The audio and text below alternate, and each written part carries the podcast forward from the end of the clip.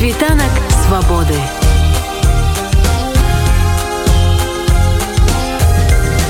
Світ вольнасці. Ну, у нас на чарзе наша рубрика эмігранты у якой сёння прагучыць гісторыя сям'і беларускіх эмігрантаў Сергея Мары журналістаў з гомеля якія вымушаныя былі уцякаць літаральна паміж сініх пальцаў служак на рэжыма яшчэ першага кастрычніка два -го года. Пра свой пераслед і пераезд за мяжу Сергея Мары распавялі майму калегу Андрусю Аёвану эмігранты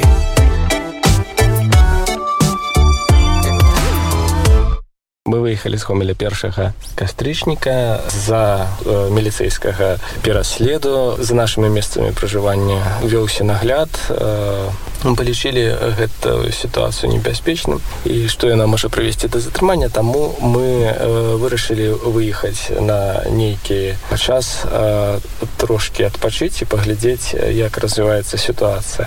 Э, ну, на вялікі жаль сітуацыя развілася не і развіваецца не ў лепшы бок а па шляху на павелічэнне напружанасці ў грамадстве павелічэння рэпрэсій. І таму мы і да сёння знаходзімся ў адной з еўрапейскіх краінаў дзе можам адчуваць сябе ў бяспецы.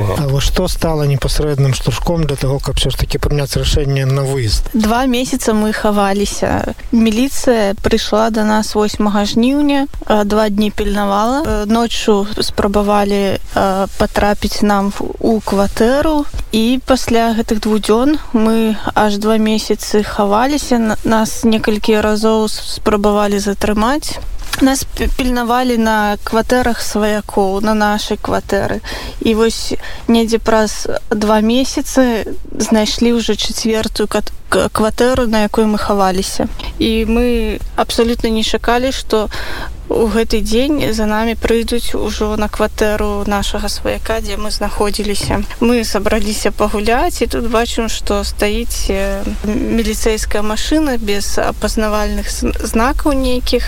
І, і все мы спачатку суткі сидзелі дома потым другі гэты нарады міліцыі яны змяняліся кожныя 4-5 гадзін. І у ноч з 8 на 9 жніўня яны прыйшлі ўжо амап. У две гадзіны ночы пачалі штурхаць дзверы дёргаць за ручку. і все пачалося сусед открывае дзверы у тебя ты затапіў мяне не адкрыеш я міліцыю буду выклікаць ну так яны падёргалі ручку 20 хвілін адключалі нам святло мы рабілі выгляд што дома нікога няма ну прынялі рашэнне не паддавацца на гэтай правакацыі сачыць за самі самімі ж супрацоўнікамі каб падлавіць такі момант калі можна пакінуць кватэру. Потому что ну раптам ад'едуць кудысьці ці адыдуць і 9 жніўня мы дачакаліся такога моманту. Мы самі за імі ўжо сачылі па чарзе. І ў той жа дзень мы патрапілі на пратэсты. Мы гэта не маглі прапусціць і асвятлялі ты падзеі якія адбываліся. Хаця тады інтэрнэта не было мы самі не ведалі што адбываецца па ўсёй краіне. Нас вся тэхніка знаходзілася ось у кватэры нашага сваяка. Эта кватэра была пад аблогай і нават ну такі быў смешны момант што мне прыйшлося перапранацца нейкую бабульку каб выцягнуць усю тэхніку. Это быў такі смешны сумны момант. А, а 9 жніўня мы мы здымалі пратэсты назіралі за тым як вот, збіраюцца людзі якіх разганялі. Ну на наступны дзень мы ўжо зразумелі што нас шукаюць. У нас было вельмі шмат званкоў на телефоны это былі телефоны міліцыі былі схаваныя нумары. Было ясна што нас будуць шукаць. і што мы першае зрабілі гэта пайшлі набылі нейкую такую непрыкметную вопратку. Ну неяк змяніць свой знешні выгляд нават падчас пратэсту некаторыя ну думалі что вот ну Сергей ціхаря нагадваў.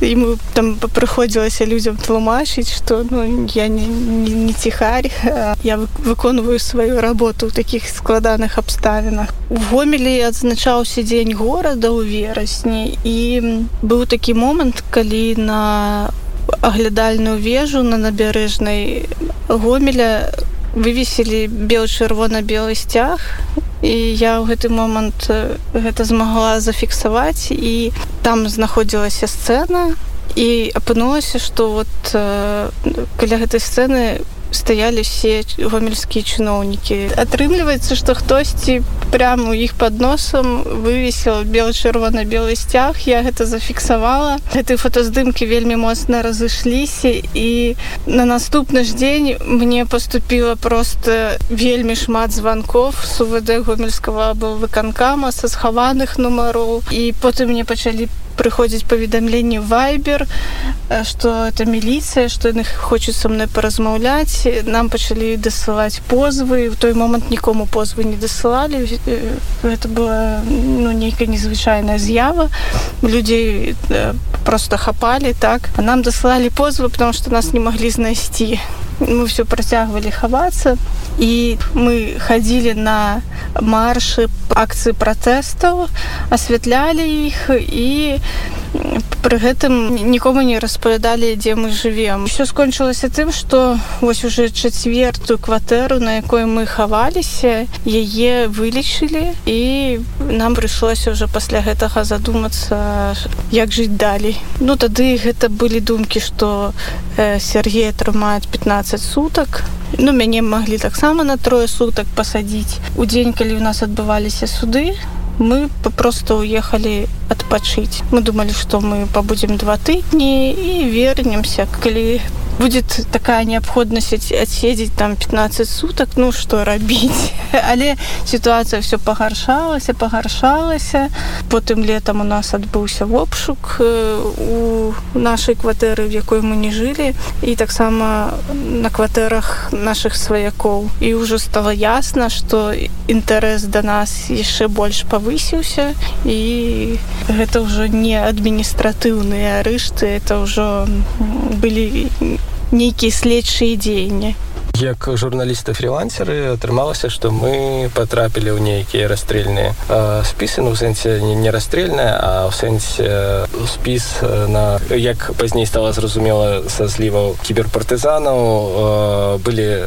складзеныя спісы на папярэдняе затрыманне і відаць мы патрапілі ў такія спісы як журналісты фрилансеры ну і вы з'ехалі так разумею ўсёй сям'ёй так? Так сям'ёю сям'я невялікая таму і гэта дадало нам мабільнасці і аператыўнасці мы спакойна на той момант выехалі за мяжу не ніякага паглыбленага дагляду у той час не было. Вывезлі на той момант самае каштоўнае гэта інфармацыю фотаздымкі відэазапісы до тых пратэстаў што адбываліся ў гомеле. Ну а ў гэтай новай краіне ці здолелі вы ну, неяк побытавае пытанне вырашыць я ведаю што ну дачка ж з вами і трэба было адукацыю нейкую ці атрымліваецца гэта все арганізаваць мы уладкаваліся добра так нам давялося памяняць не некалькі гарадоў з адукацыі дачкі вялікіх праблем няма там што сёння вельмі шмат магчымасцяў для той же онлайн адукацыі пры тым што гэта сёння вельмі актуальна ў сувязі з пандэміяй а мы працуем в архівах то бок мы карысна праводзім час. Ці працягваеце вы сваю прафесійную працу по асвятленні того што адбываецца ў беларусі? На дадзены момант мы займаемся нават такой даследчыцкай дзейнасцю мы работаем в архівах і шукаем гістарычнай крыніцы па гісторыю гомеля. І паралельна мы паспяваем працягваць займацца журналісцкай дзейнасцю мы таксама па магчымасці асвятляем ты падзеі якія адбываюцца ў беларусі нягледзячы на тое што нас там няма але мы вельмі добра арыентуемся ва ўсіх падзеях таксама мы з збіраем гісторыі палітычных эмігрантаў таксама вот такія ж гісторыі